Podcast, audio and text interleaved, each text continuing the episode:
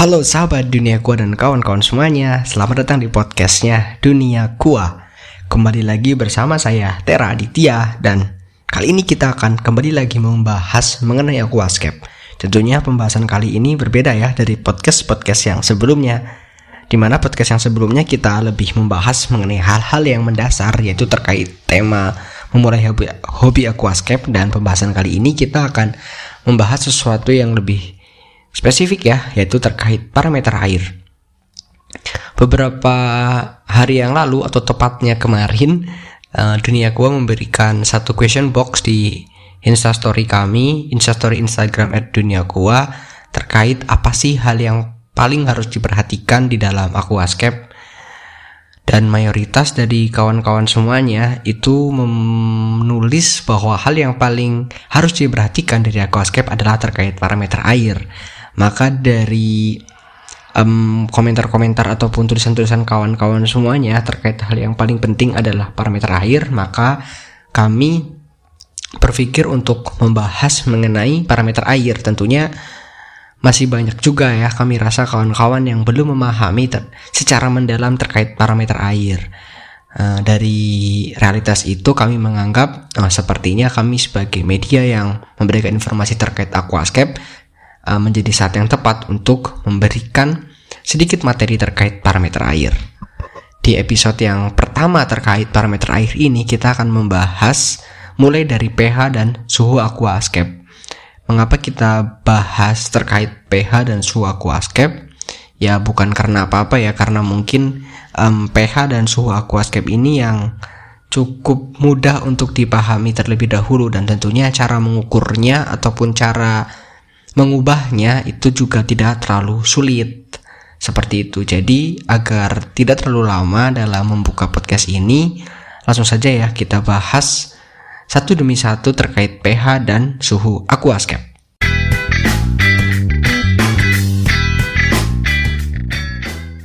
Pertama yang akan kita bahas yaitu terkait um, pH ya kawan-kawan semuanya.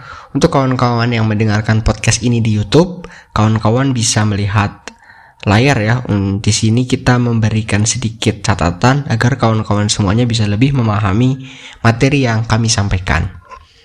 Kita mulai dari pH atau power of hydrogen.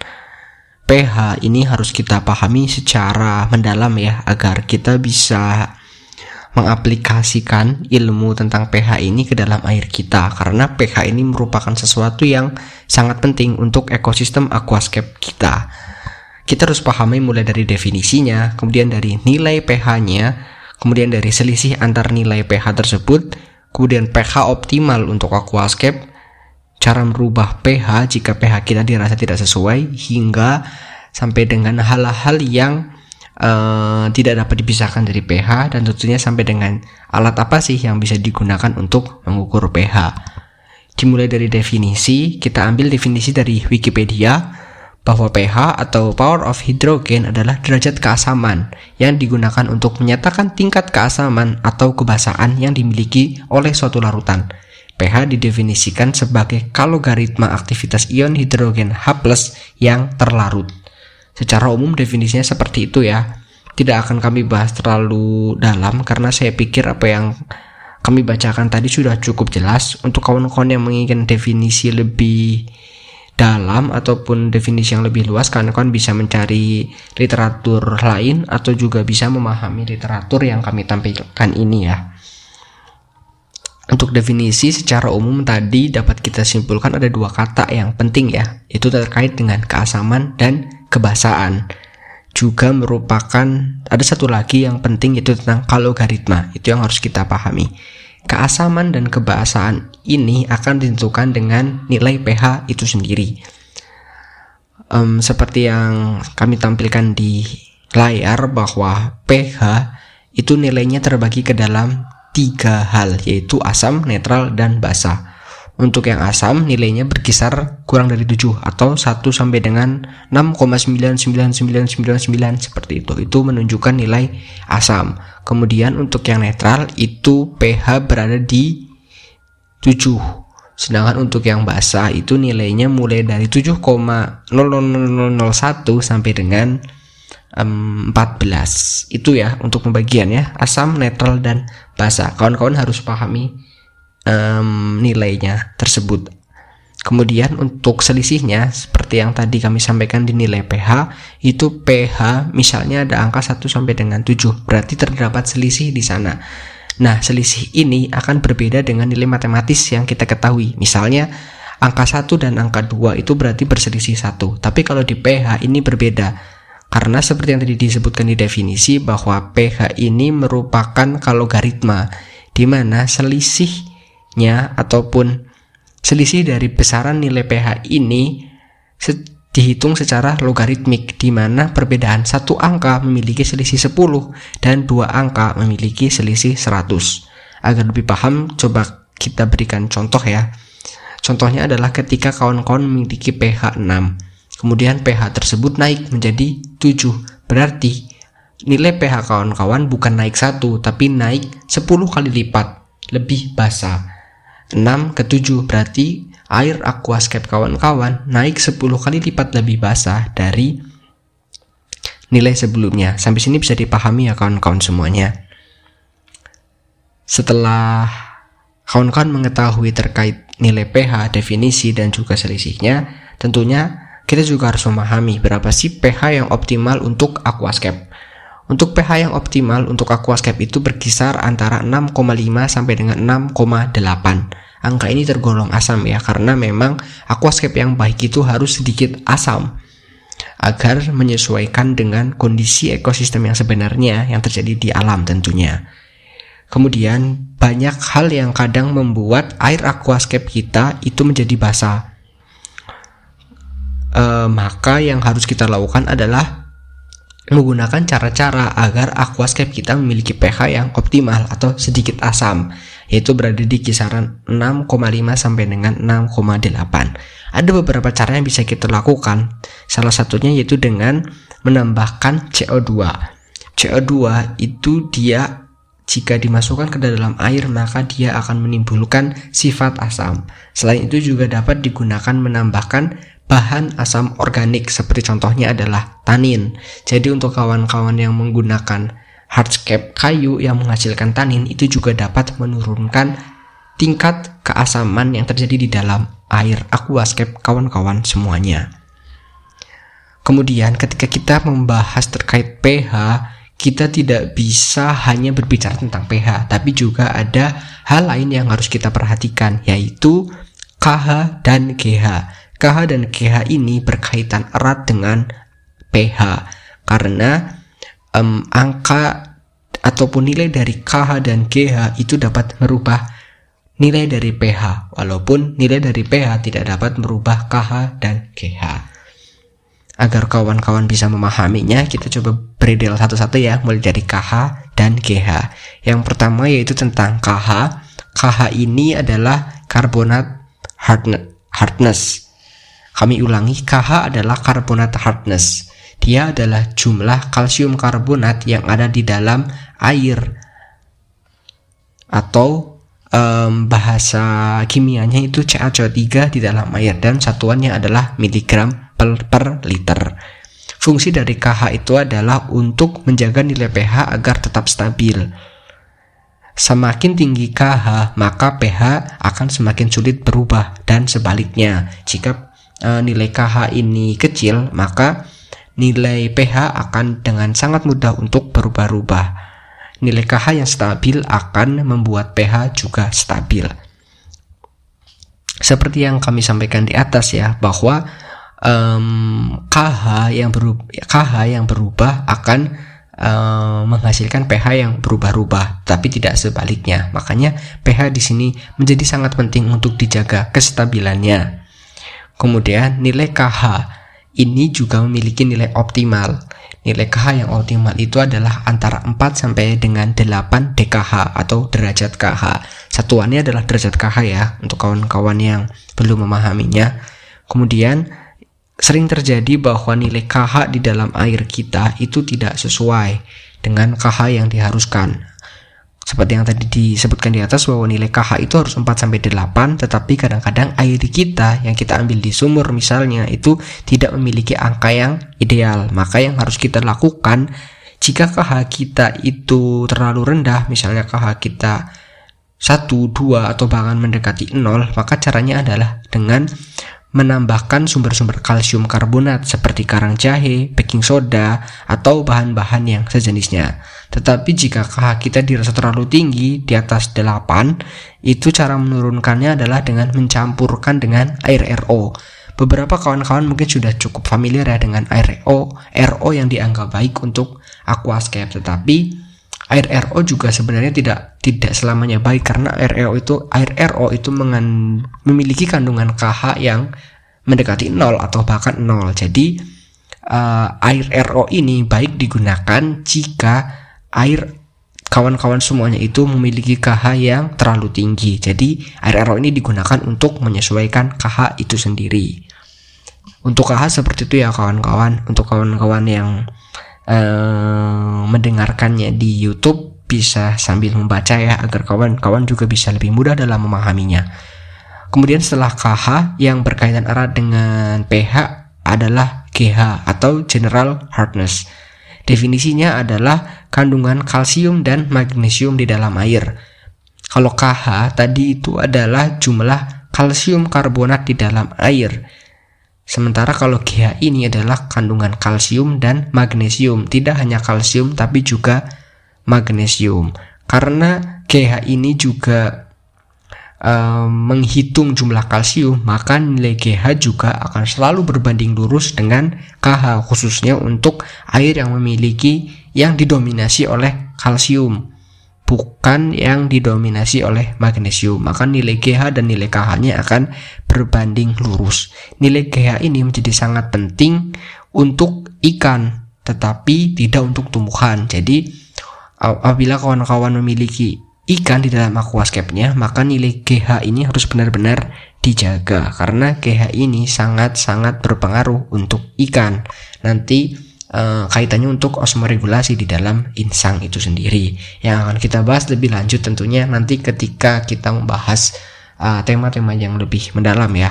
Untuk awalan ini untuk GH seperti itu terlebih dahulu. Kemudian sama seperti KH terkadang kita juga memiliki air yang nilai KH-nya itu kurang optimal, maka kita dapat menurunkan ataupun menaikkan nilai GH itu sendiri. Sama dengan menaikkan KH karena GH juga di sana menghitung kalsium dan magnesium, maka yang bisa kita tambahkan adalah unsur-unsur um, yang bisa menaikkan kalsium atau yang mengandung kalsium. Seperti contohnya tentunya karang jahe. Untuk menambahkan magnesium tentunya kawan-kawan juga bisa menambahkan dolomit Kemudian jika kawan-kawan merasa GH-nya terlalu tinggi, tidak berada di dalam angka yang sesuai, maka sama seperti dengan KH, kawan-kawan juga bisa menambahkan RRO untuk menurunkan. Selain itu juga kawan-kawan bisa menurunkan nilai GH dengan menambahkan resin kation.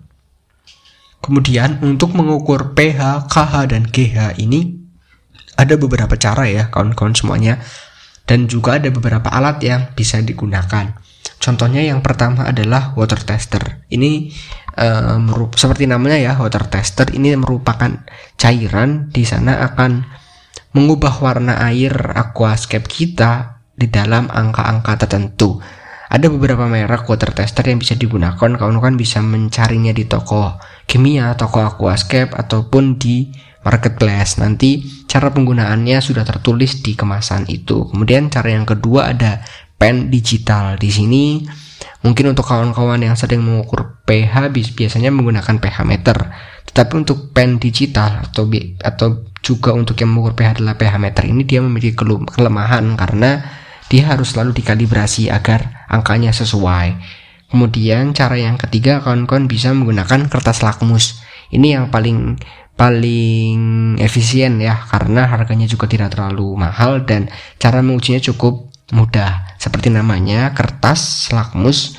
Um, alat ini terdiri dari kertas nih, nanti kawan-kawan bisa menyelupkan kertas itu ke dalam air, uh, kurang lebih 3 detik kemudian kawan-kawan bisa mengipas-ngipaskannya sampai dengan kertas lakmus itu berubah warna dan warna-warna itu bisa disesuaikan dengan warna yang ada di dalam kemasan dan setelah kita melihat perubahan warnanya dan menyesuaikan nanti kita dapat mengetahui kisaran pH, KH dan GH yang ada di dalam air aquascape kita. Untuk pH seperti itu ya kawan-kawan, kami harap penjelasan ini dapat menjadi satu wawasan baru untuk kawan-kawan semuanya bukan sebagai wawasan akhir tapi setidaknya untuk menjadi pemacu untuk kawan-kawan belajar lebih lebih lanjut terkait pH.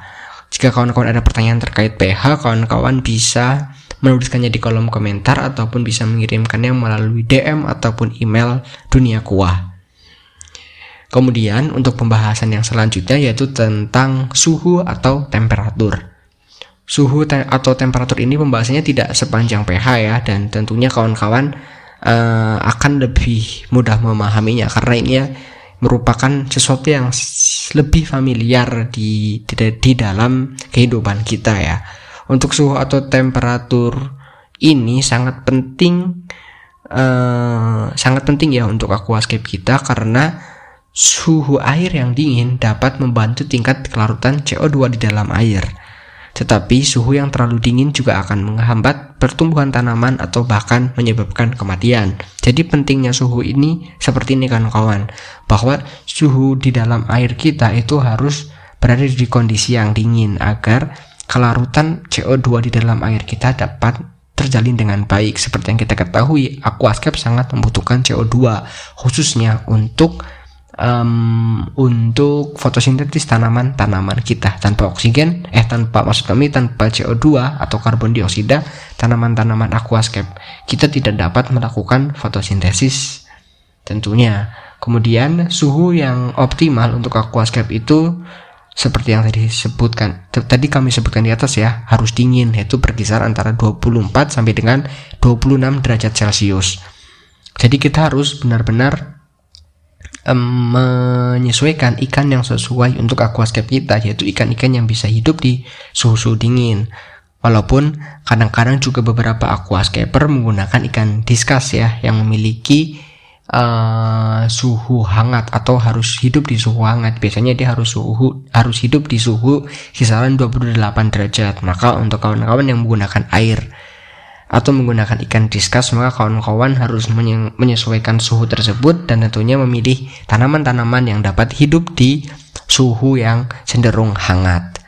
Kemudian suhu atau temperatur ini harus dijaga uh, stabilitasnya ya karena suhu yang berubah-ubah secara signifikan dapat menyebabkan penyakit ikan seperti contohnya white spot. Makanya banyak sekali kawan-kawan yang uh, ikannya mati karena penyakit white spot. Itu salah satu yang menyebabkan penyakit itu muncul adalah perubahan suhu yang terjadi secara signifikan. Awalnya ikan akan stres dan kemudian jika ikan itu tetap stres dan kondisi semakin memburuk, maka penyakit white spot muncul dan tentunya akan mati. Untuk suhu sendiri, kawan-kawan pasti sudah sangat mengetahuinya untuk mengukur suhu ya, yaitu dengan cara menggunakan termometer.